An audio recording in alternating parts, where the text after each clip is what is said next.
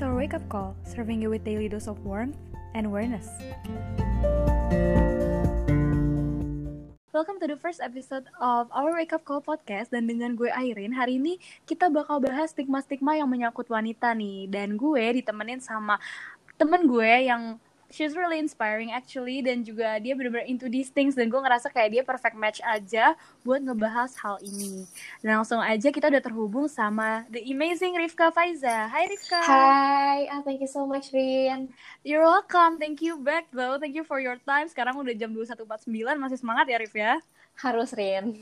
Oke, sebelum kita mulai nih, aku pengen banget nanya nih sama Rifka, apa sih Rif yang memotivasi kamu buat mau speak up lebih gitu soal stigma-stigma tentang wanita, uh, mau baik maupun buruk gitu Rif?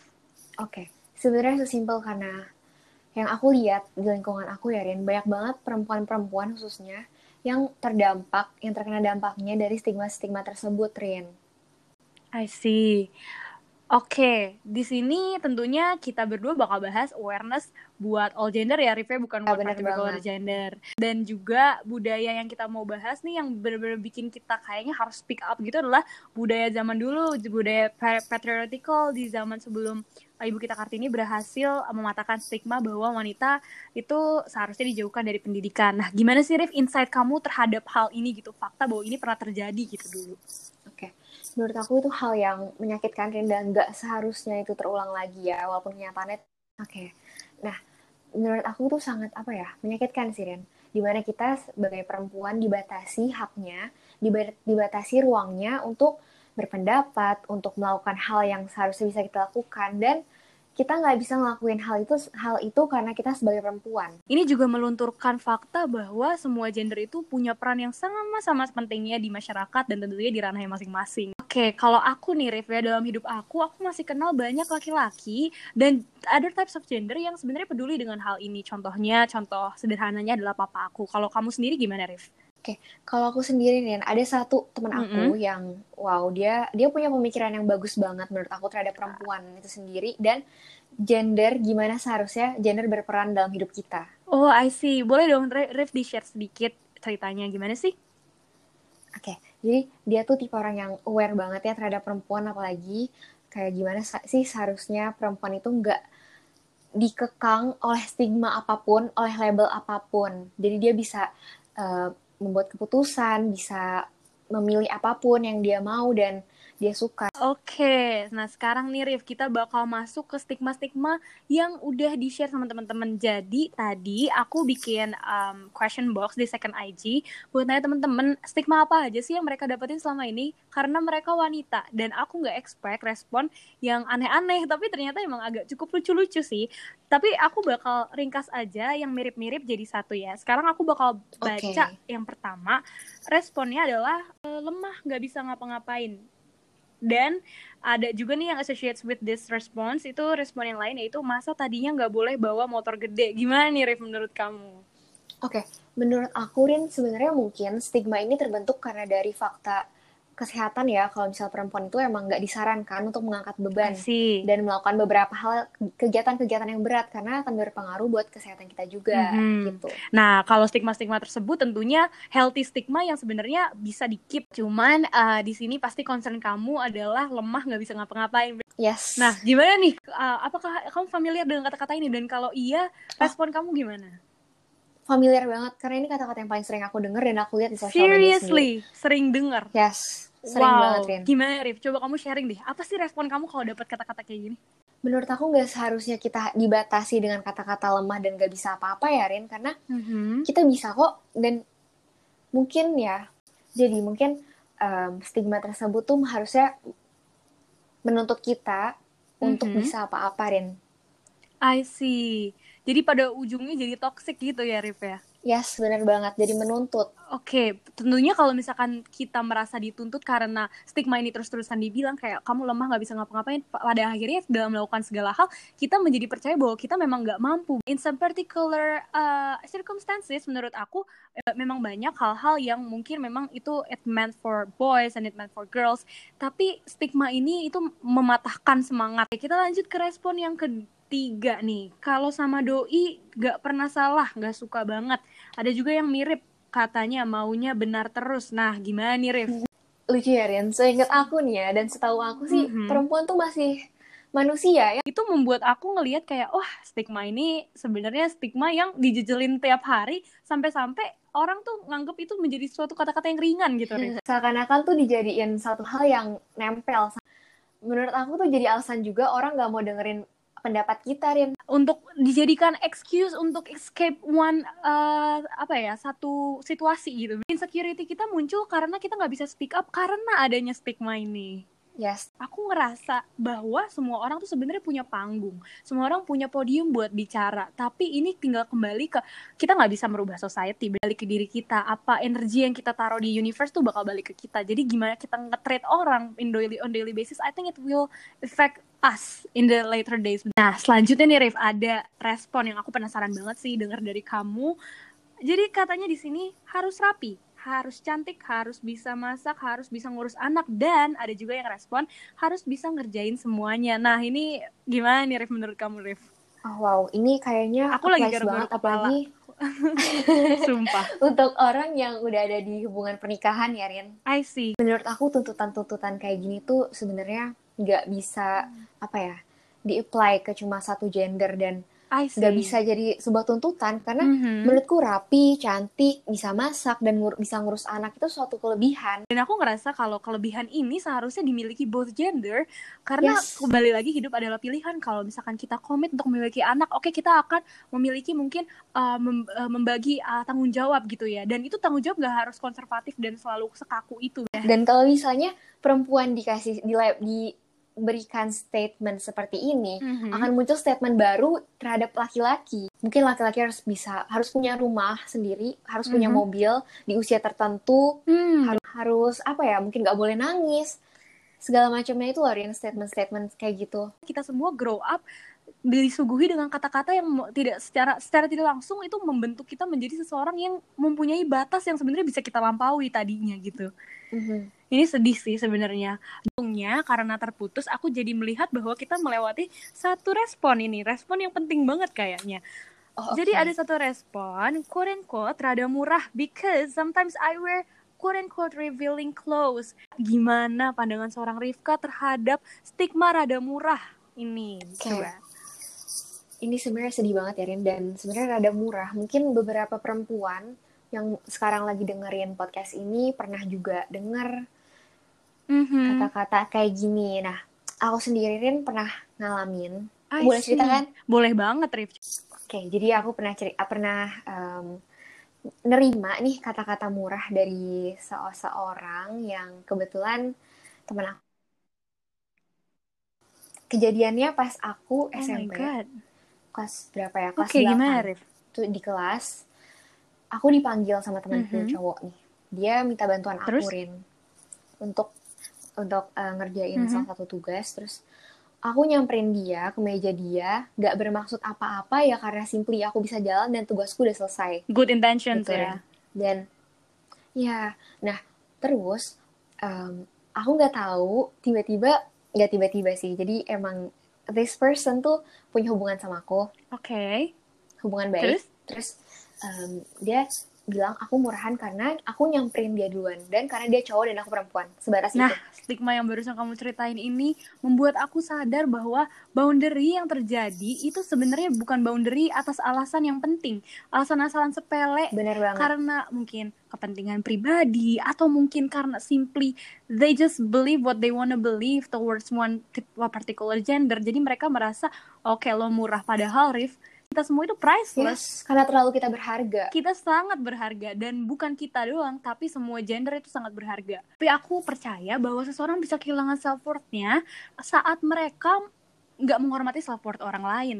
Dan di sini bottom line yang bisa aku ambil dari kata-kata kamu adalah bahwa sebenarnya kita apa pun yang kita lakuin mau baik atau buruk tentunya people always have something to say about it. Tapi kayaknya kita semua harus mulai dari dalam dan dari diri kita sendiri. Nah, Rif, kamu ada Iya, advice nggak sih buat wanita-wanita atau buat siapa pun yang ngedengerin podcast ini? oke kalau menurut aku ya Ren kita harus mulai dari diri Mhm. kita sendiri yang kayak tadi kamu udah kamu Mhm. bilang Ren kita harus sadar dulu nih kita sesuai nggak dengan stigma tersebut kalau kita nggak sesuai dengan stigma tersebut ya menurut aku ada baiknya kita berhenti apa ya uh, berhenti menanggapi stigma-stigma tersebut dan kita keep improving ourselves dan menurut aku Rin um, hal yang poin terpenting dalam menghadapi stigma itu bukan membuktikan kepada mereka tentang bagaimana dan siapa kita sebenarnya tapi lebih ke membuktikan dan menunjukkan ke diri kita sendiri nih Ren bahwa omongan atau stigma orang lain tentang diri kita itu nggak benar. In my point of view, kita harus mulai dari diri kita sendiri Ren dan menurut aku Ren kalau misalnya kita emang nggak kuat handle sendiri ya ada baiknya kita cerita. Minta tolong ke orang lain itu adalah suatu apa ya suatu form of self respect juga gak sih? Berarti kita tahu limit ya dan it's part. Kalau menurut kamu sendiri gimana tuh menurut Ren? aku sih walaupun uh, kita cuma bisa melakukan hal kecil menurut aku uh, terus percaya bahwa speaking up itu adalah sesuatu yang bisa membawa perubahan. Mau sekecil apa pun itu itu tetap ah, perubahan. Dan juga mm-hmm. speaking up di sini menurut aku tuh nggak harus selalu kayak kita being all mad and about atau gimana. Tapi menurut aku kita bisa speak up ke diri kita sendiri kalau you don't have to hear everything. You don't have to listen to whatever. If you don't feel like it suits you, then you can just walk away from it. Karena balik lagi kita akan terus hidup di antara stigma yang baik dan buruk dan itu semua akan terus ada karena we're all humans after all. Yes. Nah, Rifka, nih aku penasaran banget nih uh, di akhir-akhir nih aku pengen banget bahas satu tweet nih Rif. Beberapa hari lalu ada okay. tweet dari Ed Tanya RL. Tanya RL prinsip dia captionnya. Cewek sama dengan budak harus tunduk dan patuh. Aku nggak pernah dikasih tempat buat nyampein pendapat dan apa yang aku rasain. Aku selalu mendem. Aku pengen banget deep talk tapi nggak pernah bisa. Sekarang dia pengen putus. Oke, okay, please kasih aku advice dan kuatin kalau aku bisa lepas dari dia. Siapa pun kamu kalaupun dia dengar atau enggak atau siapa pun yang relates to this situation let's hear from Rifka. Oke okay. sebenarnya aku sedih banget sih Rin. Um, mm-hmm. karena emang toxic relationship ini masih marak banget ya Rin. Ada di mana-mana. dan hubungan kayak ini nih menurut aku hubungannya yang satu arah. Di mana satunya lagi tuh berusaha untuk terus ngedeketin untuk terus memperbaiki. Sedangkan yang satunya ya mereka nggak mau ngasih effort mereka karena simply mungkin udah nggak sayang mungkin bosen atau alasan apa pun itu. Dan menurut aku Rin hubungan yang kayak gini ada baiknya kalau segera diakhiri atau diperbaiki. Diperbaiki atau diakhiri. Karena gak ada untungnya. Dan kamu harus tahu gitu siapa pun kamu ini yang lagi dengerin dan merasa relate sama kondisi ini kamu harus tahu kalau kamu tuh sangat berharga. Kamu berharga banget terlepas dari apa pun itu. Dan kamu harus tahu bahwa kamu tuh pantas dapatkan perlakuan yang baik. Gitu Ren kalau dari aku dan kayaknya ya ada satu hal yang ganjel sih menurut aku. Kayaknya ada satu hal yang terjadi di kehidupan kita yang sebenarnya uh, it's almost impossible for us to apa ya untuk nggak kita lakuin gitu. Yaitu kayak kita selalu punya excuse untuk memaafkan hal-hal yang sebenarnya tidak seharusnya terjadi ke diri kita. Dan ini juga merupakan bukti bahwa kita pasti pernah melakukan hal itu. Kayak kita memaafkan uh, kita, atas dasar sayang terhadap teman atau siapa pun itu kita uh, akhirnya memaafkan uh, mereka dari melakukan sesuatu terhadap kita atau melakukan hal yang buruk terhadap kita atau orang lain. Dan sebenarnya menurut aku maaf itu sangat penting tapi kita harus juga bisa yang namanya membuat orang tersebut tidak apa ya kita melakukan iya, lagi ya? dan karena uh, untuk membuat orang tidak melakukan lagi itu goalnya bukan membuat mereka jerah doang. Goalnya adalah membuat mereka menyadari bahwa banyak sekali hal yang sebenarnya bisa diperbaiki. Itu dia berarti kita harus mulai dari diri kita untuk tahu yang namanya apa sih yang mau kita lakukan ke orang lain dan apa sih yang seharusnya kita lakukan ke diri kita dan juga banyak banget hal-hal yang seharusnya kita tidak jadikan alasan atau excuse untuk memaafkan suatu tindakan baik dari dalam diri kita sendiri maupun orang lain ke diri kita. Ada lagi nggak Rian yang mau kamu nih sampai ini misalnya ada orang yang relate juga sama kondisi ini? Hmm. Cara uh, apa ya untuk menghadapi lah menghadapi pasangan atau siapa pun itu yang berada di posisi ini? Uh, I have a lot to say actually, tapi menurut aku di sini ini it might seem very cliche, but one thing that this girl needs to do first atau siapa pun itu untuk melakukan adalah mereka harus benar-benar cari kenapa mereka itu worth it. Dan saat mereka menemukan alasan itu, akan banyak akan banyak skenario yang bisa terjadi Rif. Mungkin pertama dia akan bisa speak up uh, find way buat nih cowok dengerin dia ataupun kalau nih cowok nggak pernah memberi dia apa tempat untuk berbicara mungkin dia akan meninggalkan uh, relationship tersebut. Jadi menurut aku kayak segala sesuatunya harus dimulai dari menyadari apa sih yang seharusnya kita dapetin dan punya. Karena dengan kenal nih contoh ya Rif, dengan aku kenal dengan kamu, aku belajar satu hal bahwa uh, semua orang itu pantas untuk dicintai dan disayang. Tetapi kenapa kita sering merasa kita tidak dicintai dan tidak disayang? Karena mungkin kita terjebak di lingkungan di mana orang-orang itu tidak memiliki the same sincerity as uh, as we do. Berarti kita harus keep searching for that. Nah, Rif, sebelum kita akhiri podcast ini, aku pengen banget nih dengar satu aja pengalaman dari kamu, pengalaman paling berharga di mana kamu nggak bisa lupa. Mungkin pengalaman kamu speak up atau pengalaman kamu keluar dari suatu situasi yang nggak enak banget sebagai wanita. Oke, okay, toxic kali ya, toxic relationship. Boleh banget, Rif. Sebenarnya aku nggak mau ngebahas kesalahan gimana partner aku yang dulu, cuma mm -hmm. um, lebih ke how I deal with it aja, Rin. Oke. Okay.